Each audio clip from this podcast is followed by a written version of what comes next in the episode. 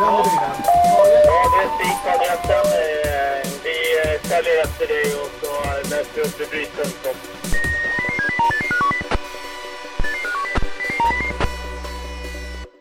Välkommen till Blåljus Tyresö här på Tyresöradion. Jag heter Jerker Pettersson.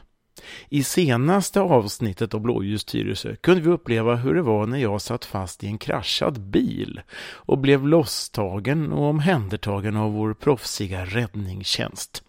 Det blev en helt unik inspelning från Trafiksäkerhetsdagen i maj 2018. I det här avsnittet ska vi också ta oss an något unikt och bege oss till Södertörns brandförsvarsförbund i Lindvreten, varifrån bland andra vår räddningstjänst här i Tyresö leds. Vi ska höra om hur det gick till under den bokstavligt talat brännheta sommaren 2018 när elden härjade Sveriges skogar och just räddningscentralen i Lindvreten kom att leda brandmännen i Dalarna. Något som aldrig gjorts tidigare i svensk räddningstjänsthistoria. Häng med!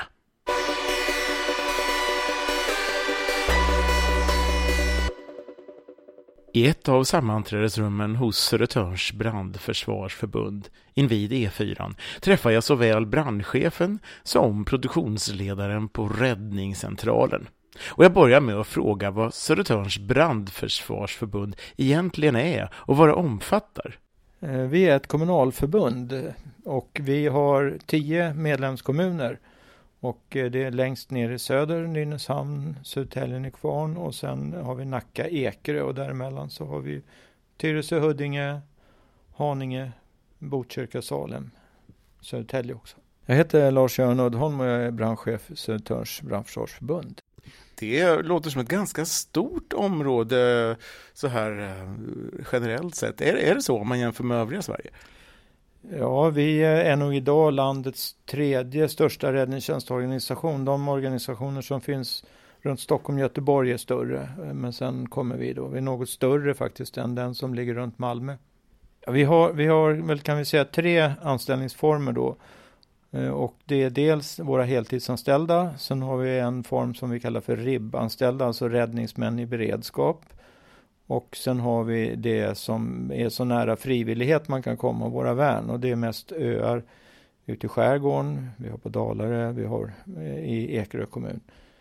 Och, och lägger man ihop allt det här så ungefär 500 drygt löner betalar vi ut varje månad. Hur många brandstationer, eller vad säger man nu, räddningsstationer motsvarande finns det? Vi har nio stycken eh, heltidsbemannade stationer och sen har vi tre stycken deltidsbemannade stationer och sen har vi som sagt ett antal värn. Hur många uppdrag, eller vad, vad kallar vi det, larm? Har vi några sådana siffror? Ja, lite beroende på, i år så sticker det ut lite då, men uh, ungefär 8500 uh, brukar det ligga runt. Och, och, det är en ökning som vi har sett under de senaste åren. Så det har ökat då med, vad blir det, nästan 25 procent på några år?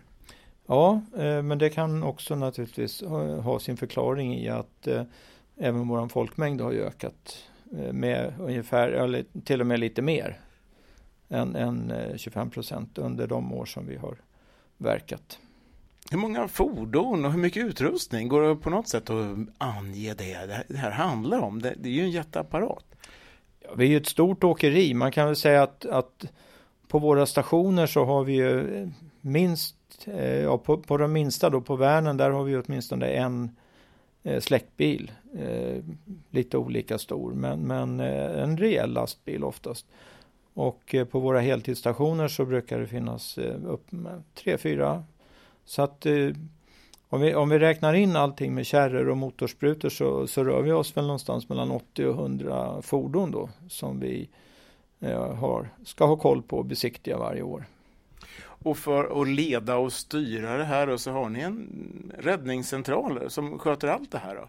Ja, det har vi. Eh, vi har en räddningscentral som eh, har varit i drift i den här formen sedan eh, slutet på 90-talet. Och, det är liksom spindeln i nätet. Det är vårt hjärta. Det är där saker och ting bestäms. Vi ska hålla en beredskap. Vi kanske får många händelser. Den här sommaren var ju ett sådant exempel. Det finns ingen kvar på brandstationerna. Vad gör vi om det kommer ett nytt larm och sånt? Sådana beslut eh, Det, det kallar vi ledning och det tas i räddningscentralen. Och där har vi då en operativ chef som är ytterst ansvarig för det.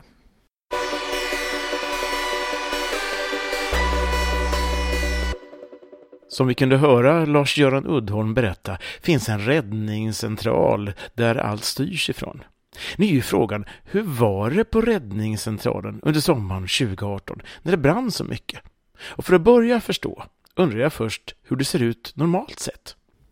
Ja, eh, om man tittar ett, ett normalt år så, så börjar det någon gång i slutet på maj, eh, april där någon gång med gräsbränder. Eh, och sen när man börjar på kommer in mot juni, juli när det börjar på bli torrt då kommer de här lite större markbränderna och skogsbränderna. Jag heter Hans Granlöv och är produktionsledare på Räddningscentralen i Södertörn. Om man ser det här i Södertörn, vi, hur, hur har vi det med skogar här? Vi har inte så himla många stora skogar som det kan brinna i, eller? Ja, det är väl inte som att jämföra med där jag kommer ifrån Jämtland, men eh, nog finns det skogar här också. Vi har ju Tyresta, där det brann för x antal år sedan. Det var ju en riktigt stor brasa. Den här sommaren, då var det någon stor brand här i på Södertörn? Ja, det beror alldeles på vad man menar med stor. Vi hade extremt många. Om man tittar ett normalt år om vi pratar markbränder, för vi, vi skiljer liksom inte på eh, en, en gräsbrand eller en skogsbrand i, i den bemärkelsen. Självklart finns det skillnader men ett normalår så har vi under sommarsäsongen så att säga ungefär 500 markbränder. I, i år hade vi 700, eh, till och med lite drygt. Och, eh, så att det var ett typiskt tecken på att vi hade en extrem torka. Det här med hur man betecknar torkan och att man säger extrem, det är vi har en, en skala, en femgradig skala. Eh, och då har man satt till ett E också, så nu har vi 5E. Alltså det är extrem brandrisk. Eh, och det var det under större delen utav sommaren faktiskt. Än just i år då, så var det ju kanske inte Södertörn utan vi hörde ju om de här bränderna som låg i norrut i Sverige. Var var det någonstans? Det var Älvdalen och var, vilka orter har vi? Ja, den, eh, den vi var inblandad mest i på räddningscentralen det var ju den i eh, norra Dalarna. Eh, och det var framförallt uppe i Älvdalen eh, på det här berömda skjutfältet där man eh, till och med tog in JAS-plan för att släcka eld med bomb. Eh, vilket i sig var extremt, men fick god effekt. Vad var det egentligen som hände där då, i år? Ja, det började med en, eh, en liten brand ute på det här skjutfältet som eh, räddningstjänsten där uppe trodde sig ha under kontroll men eh, som successivt växte och eh, till slut insåg man väl att man man hade inte kontroll och eh, man hade heller inte resurser att ensam kunna klara av det här. Vad gjorde de då? då? Ja, det här var den, eh, den, den 17 juli. Det var min andra dag på semestern. Då ringer telefon tidigt på morgonen och eh, man ringer härifrån räddningscentralen och förklarar att eh, Hej Hans, du är nog tvungen att komma in på jobbet. Och det var ju roligt att höra. Eh, jag försökte förklara att jag hade semester men eh, man sa att ja, du är nog tvungen att komma in för vi ska gå upp i stab. Gå upp i stab, vad innebär det? Det är att man kallar in ledningspersonal som tar hand om en särskild händelse. Och när jag väl kommer in så får jag ju höra vad den här särskilda händelsen är och det är att vi har fått en förfrågan ifrån Dalarna att ta över den bakre ledningen. Och eh, Uddas här, brandchefen, eh, frågade mig. Jag har lovat dem att vi ska göra det. Kan vi det Hans? Och eh, jag har ju ett förflutet på SOS så eh, jag insåg att vi har genast två problem. För det första har vi ett personalproblem. Det är mitt i sommarsemestrarna. Och eh, vi har ett tekniskt problem. Hur ska vi kunna få över eh, larm, radiotrafik med mera, med mera hit till oss? Hur kom det sig att eh, de vände sig direkt till er? Då? Ja, eh, det är väl inte egentligen eh, jag rätt person att svara på, men eh, jag tror att Johan Sermanski, han som var räddningsledare och är brandchef i Mora, har ju haft en, en dialog med eh, Uddas här och eh, oss här på Södertörn. Så det var nog en, eh, en naturlig koppling där. Vad gjorde du nu då med de här två problemen du har, eller hade? Ja, det, det, första problemet med personalen det visade sig inte vara något problem för vi har en fantastisk personal här och man hoppade in i det här med, med hull och hår och en enorm glöd. Så det var inga problem att, att täcka upp så att säga. Man, man bröt semestrar med mera. Det här tekniska problemet eh, blev lite knepigare för det här är aldrig gjort någon gång i, i eh, Sverige någonsin i, i brand i brandhänseende att man eh, kopplar över ifrån en SOS-central och det här fallet Falun så att en annan central, i vårat fall Södertörns räddningscentral, får samma eh, radiotrafik, samma medlyssningar med mera. Och rent tekniskt så är det här ganska svårt. Eh, men efter x antal samtal med eh, personer, både tekniker och chefer på SOS Alarm, så lyckades vi faktiskt lösa det här. Så på tre timmar så eh, var vi uppe och fick in larmen. Efter åtta timmar hade vi allting igång och även radiotrafiken. Så efter åtta timmar då hade vi full ledning härifrån Södertörn. Så på åtta timmar hade ni gjort något som aldrig hade gjorts tidigare helt enkelt? Ja, det, så har man förklarat det från SOS Alarm och det här är ju tycker jag rätt fantastiskt. Det här är ju samarbete när det är som bäst. Man, eh, man släpper all prestige, man släpper alla regler, man släpper alla eh, avtal med mera, med mera, vems kunder och hit och dit. Utan här ser man bara till att lösa ett problem. Vi var tvungna att hjälpa Dalarna. De hade ett jätteproblem där uppe och eh, vi tillsammans med SOS löste problemet.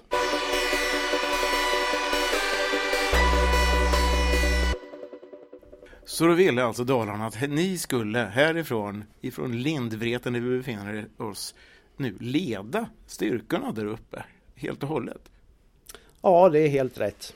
Och eh, det här mottogs väl eh, med lite blandade känslor uppe i, i Dalarna. Jag har en liten anekdot där eh, en ett brandbefäl på en deltidsstyrka vart kontaktad utav en utav våra operatörer och eh, operatören skulle leda den här styrkan in i ett område och Operatören förklarade att de skulle köra in efter en speciell väg och efter x antal meter skulle de vika av om det nu var vänster eller höger. Varpå det här brandbefälet säger, ja men det finns ingen väg där. Jo, säger eh, våran operatör.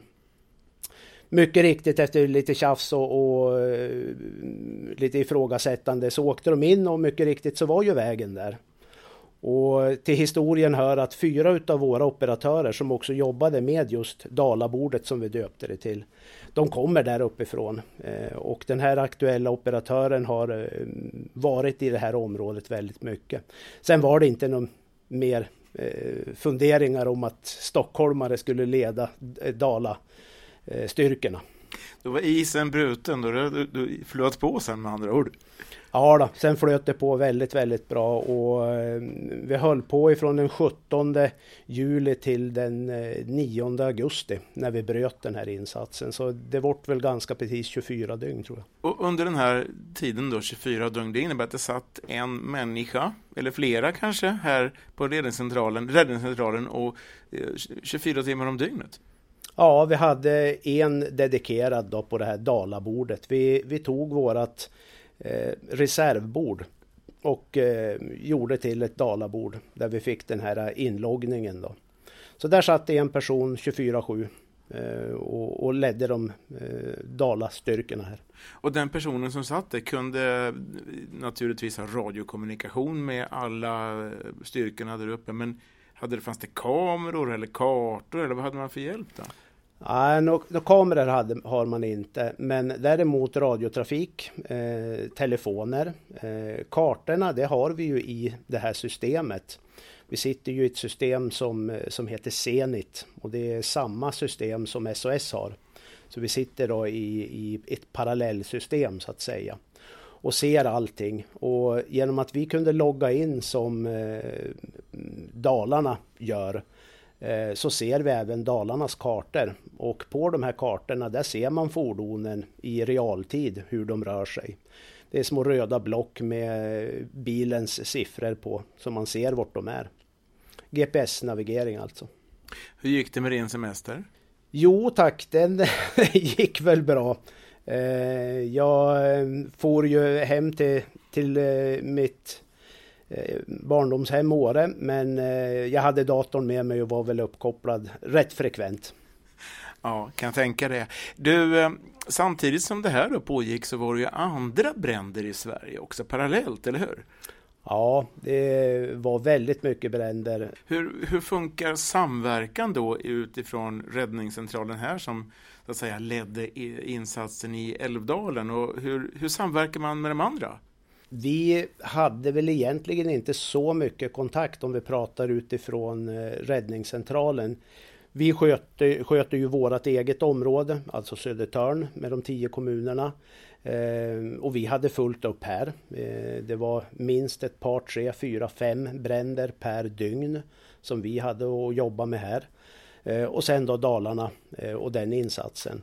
Sen hade vi ju då eh, skickat upp eh, manskap och materiel upp till eh, både Jämtland och Gävleborg. Det var Ljusdal och där, där vi också hade stora bränder. Det här med utländsk stöttning då, vi såg ju många Eh, bilder där de här utländska, italienska plan tror jag det är, eller franska kanske som håller på och släcker och hämtar vatten och så. Hade ni, ledde ni sådana också där i Älvdalen eller hur var det med det då?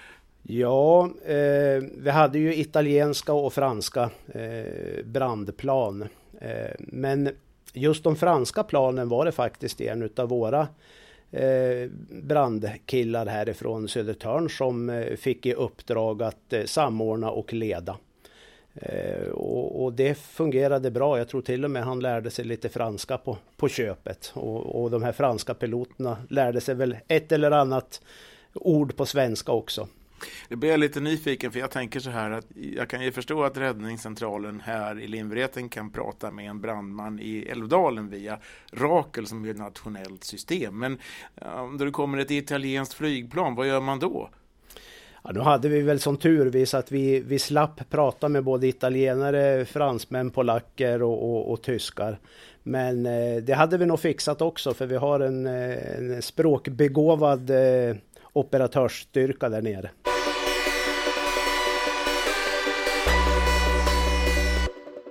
Efter 24 dygn med jobb dygnet runt på räddningscentralen togs beslutet den 9 augusti att avsluta uppdraget.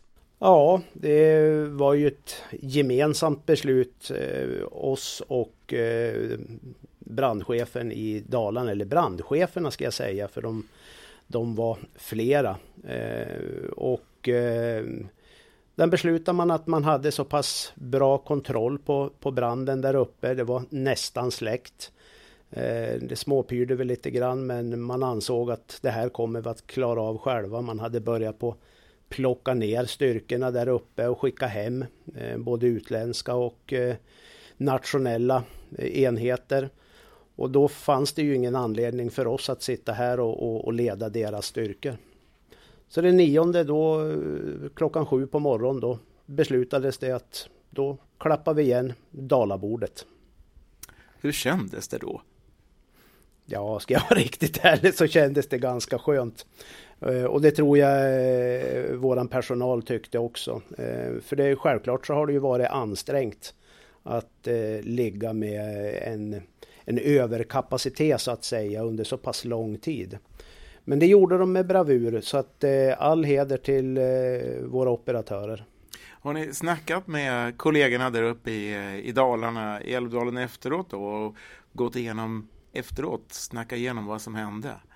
Jo, då, vi har väl haft eh, både kortare och längre samtal och, och brandchefen i Älvdalen, eh, Jan-Olov, här pratade jag ju med eh, x antal gånger och eh, han tackade för, för ett gott samarbete och han eh, avslutade vårt första samtalet vi hade så ja, jag måste tacka för en bra insats och ja, det märks ju att ni har gjort det här förut, sa han.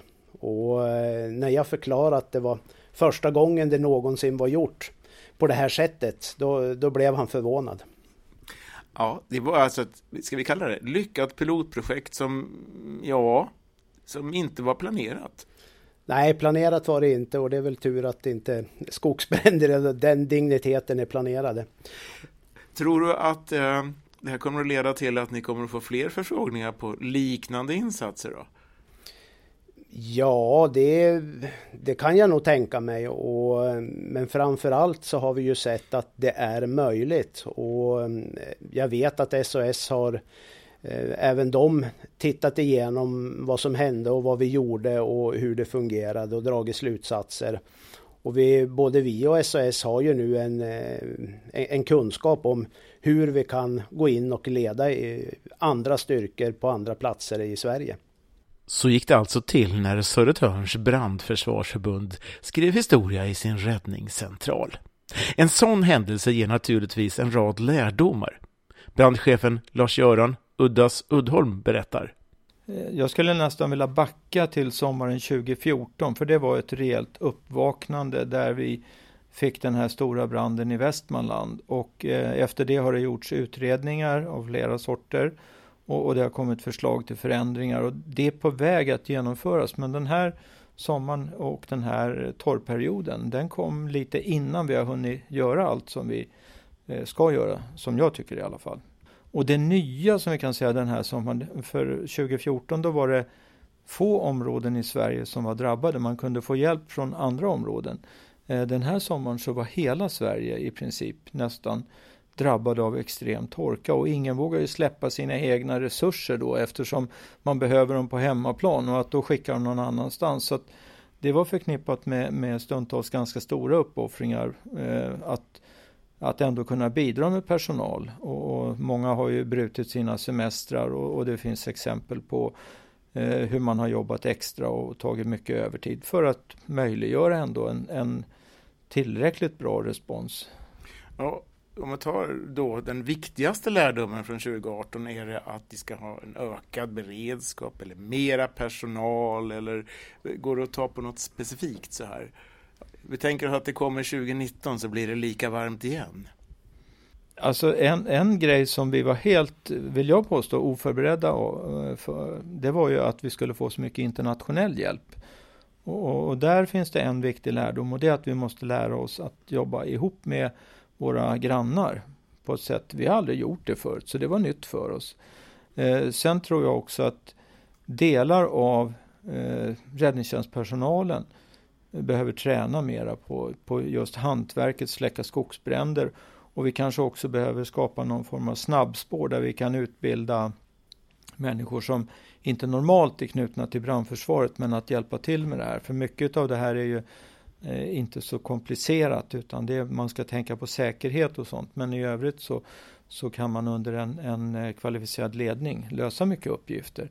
Att, att förstärka den nationella förmågan, ja det är en viktig eh, lärdom. Och sen är också det här som ju blev så uppenbart i år att när hela landet är pressat så måste någon göra prioriteringarna. Var ska resurserna sättas in? Vem har de största behoven? Och, och har man då eh, som, som vi hade stundtals i somras, kanske fem, sex, upp till tio platser som alla ropar på resurser, så måste någon ändå bestämma vem har det största behovet, inte lyssna på den som skriker högst. Ja, vem är det då som ytterst ska prioritera? Eh, det blev MSB som eh, gjorde det och jag tycker det var helt rätt. Det är en statlig myndighet, de har tillsyn över räddningstjänsten och jag ser egentligen ingen annan som kan göra det. Och, man är också så kallad focal point för internationella resurser. Eh, så att systemet är sånt att på regional nivå så ska Länsstyrelsen avgöra det här. Men när vi kommer på den nationella nivån, då är det MSB. Har du fått några omgivning eller omvärldsreaktioner? Några som har hört av sig, liksom, är nyfikna eller säger det här var bra gjort eller något? Ja, det är väl nästan som en liten anekdot att jag var ombedd just för MSBs räkning att åka till Bryssel och berätta om skogsbrandfaran i Sverige och, och, lite mot bakgrund av det som hände 2014 och, då stod jag i våras och sa att sådana bränder som man har i Mellaneuropa, det har inte vi i Sverige. Och sen har vi det bara ett par månader senare, så ibland skulle man vilja ha vissa saker osagda. Eh, och det har ju föranlett en del mejl och kommentarer från övriga Europa kan jag säga. Ja, det sker med, med glimten i ögat då? Ja, absolut. De har ju erbjudit hjälp. Och, och, Sverige, som jag nämnde tidigare, har ju aldrig varit vana att, att ta emot hjälp. Vi vill hjälpa andra, men vi har inte förstått att vi också behöver bli hjälpta. Vi var det land som fick mest hjälp eh, av alla. Den största hjälpinsatsen EU har gjort. Får vi säga tack EU då? Ja, verkligen. Det är stort tack till dem. Det här var alltså Blåljus Tyresö om hur det gick till när vår räddningscentral i Lindvreten kunde leda räddningsstyrkor i Dalarna den här varma svenska sommaren. I kommande avsnitt av Blåljus Tyresö ska vi besöka den där räddningscentralen vi hört om i det här programmet och följa med in i själva hjärtat, i navet, i centralen för att höra vad som egentligen händer när vi ringer 112 och hur arbetet går till och hur det är att jobba där. Skulle du vilja lyssna till tidigare avsnitt av Blåljus Tyresö är det enkelt genom att gå in på tyresoradion.se och i sökrutan skriva blåljus för att få upp alla tidigare avsnitten. Och vill du ha kontakt med mig och ha någon åsikt eller idé om programmen får du gärna mejla till jerker tyresoradion.se. På återhörande!